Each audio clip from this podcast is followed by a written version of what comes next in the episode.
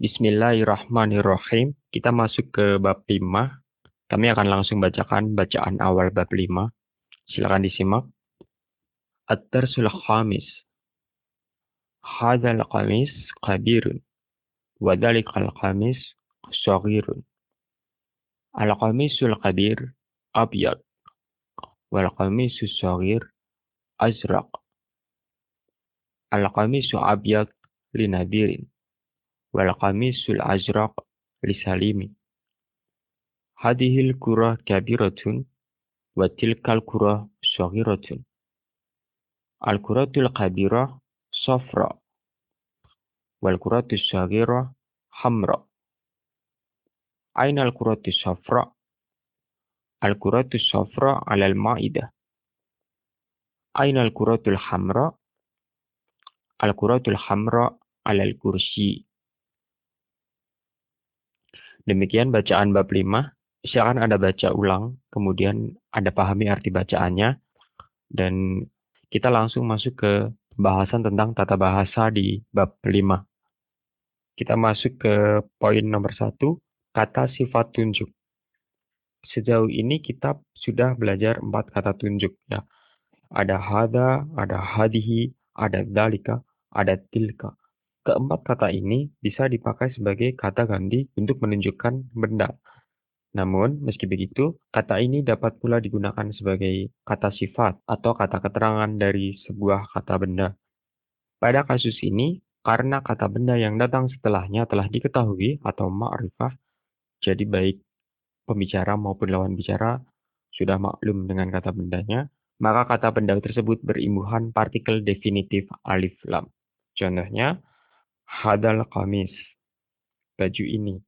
Jadi kata benda di sini adalah kamis, baju. Dia berimbuhan alif lam. Ketika dia dihubungkan dengan kata tunjuk hada, hadal kamis, baju ini. Ini menunjukkan satu kesatuan benda ya. Jadi bukan benda yang lain, melainkan benda yang ini. Kemudian untuk contoh yang kedua adalah kata tunjuk yang menyertai kata benda feminin. Misalnya, tilkal kuro, bola itu. Sampai di sini cukup jelas?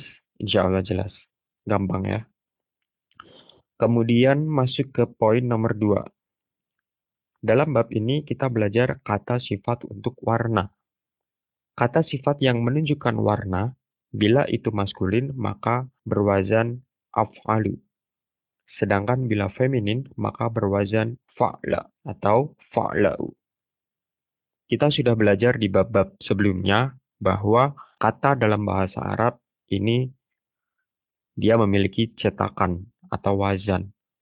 Sebagai informasi sekilas, bahwa kata dalam bahasa Arab itu berasal dari akar kata. Kebanyakan berasal dari tiga huruf yang merupakan akar kata. Tiga huruf tersebut kita masukkan ke dalam cetakan atau ke dalam wazan atau ke dalam pola. Cetakan atau pola atau wazan sama ya pengertiannya. Untuk membentuk kata baru. Sehingga dari cetakan tersebut kita dapatkan kata baru. Nah, dalam bab ini kita belajar kata sifat untuk warna. Dan wazan untuk warna itu af'alu untuk yang maskulin, kemudian fa'la'u untuk yang feminin.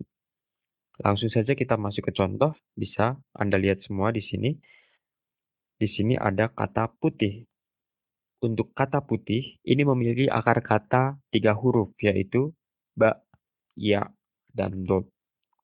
Setelah kita masukkan ke wazan, ke dalam cetakan atau pola untuk kata sifat, maka kita dapatkan sebuah kata baru untuk kata putih dalam bahasa Arab. Untuk maskulin, kita dapatkan abyad. Kemudian untuk feminin kita dapatkan baito. Oke, jadi akar kata huruf ba, ya, dan dot kita masukkan ke wazan af'alu menjadi abyadu. Kemudian untuk feminin fa'la'u polanya kita dapatkan kata baido. Oke, jelas ya. Gampang insya Allah. Kemudian contoh yang kedua berarti biru. Kata biru dalam bahasa Arab itu adalah berakar kata huruf za, ro, dan qaf. Za, ro, dan qaf.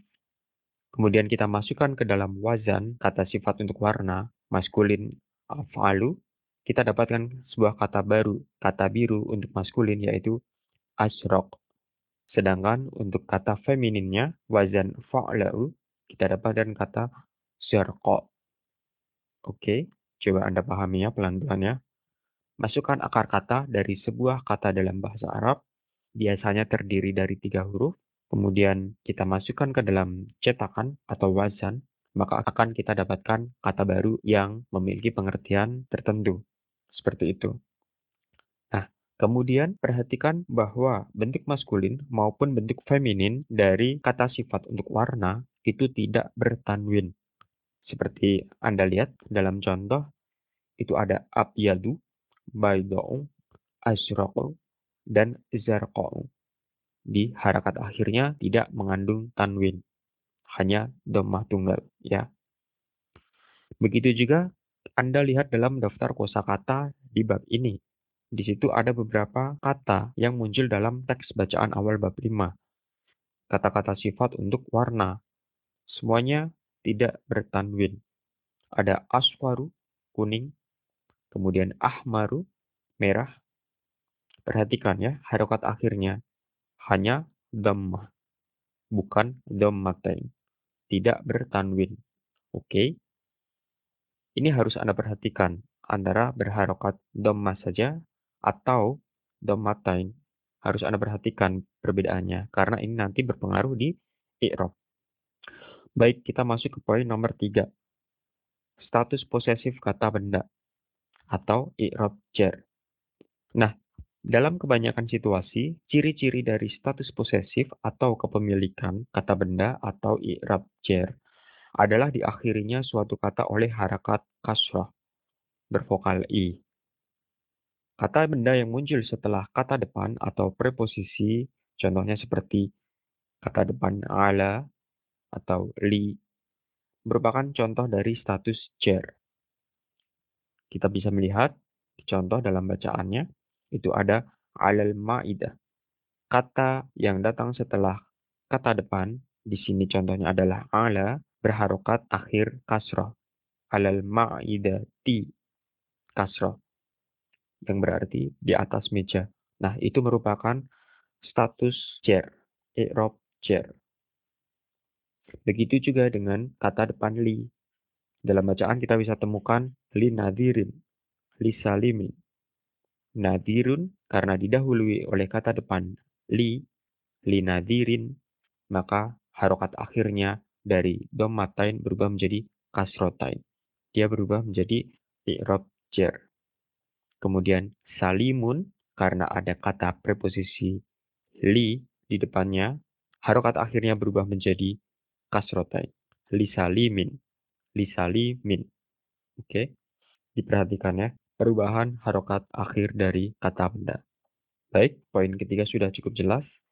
Kemudian kita masuk ke poin nomor 4. Kalimat nomina, bagian keempat. Dalam bahasa Arab, untuk membuat kalimat yang sederhana, kita bisa membuat frasa khobarnya, predikatnya, dengan kata depan ditambah kata benda berstatus jar.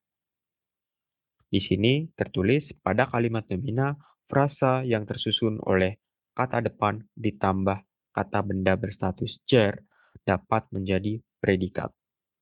Contohnya, langsung bisa dilihat pada contoh pertama, Al-Quratul Hamra alal kursi. Bola merah ada di atas kursi.